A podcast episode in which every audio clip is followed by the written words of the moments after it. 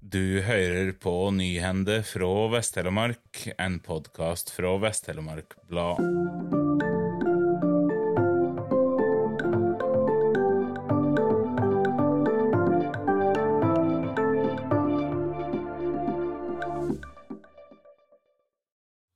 Nissedal er neste kommune på lista i denne vikas valg noen gang.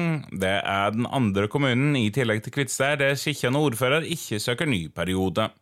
Fem partier stiller liste ved valget, og Kristin Parkinson Vågen håper å holde på makta for Arbeiderpartiet, som Halvor Hommes etterfølger. Ian Perry Jones, som står på toppen av Senterpartiets liste, deler en kuriositet med Parkinson Vågen, da begge de to ordførerkandidatene har britiske pass. Ellers står Geir Kristian Enger på toppen av lista til KrF, Olaus Sønderland topper lista for Høyre, medan Steinar Robert Jørgensen er Framstegspartiets listetopp. Nissedal har delt med Tukke den nest eldste gjennomsnittskandidaten i feltet, med 53,3 år.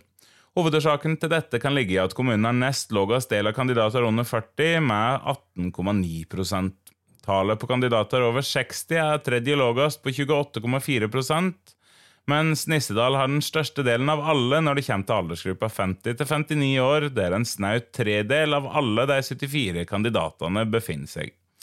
Med 43,2% kvinner blant kandidatene har Nissedal den nest største overvekta av menn på listene.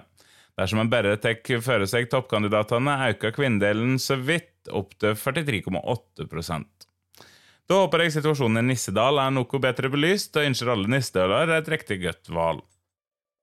Tusen takk for at du hørte på. Denne sendinga var produsert og presentert av Aslak Ringhus for Vest-Telemark Blad, og musikken er laga av Symre Taugbølbank.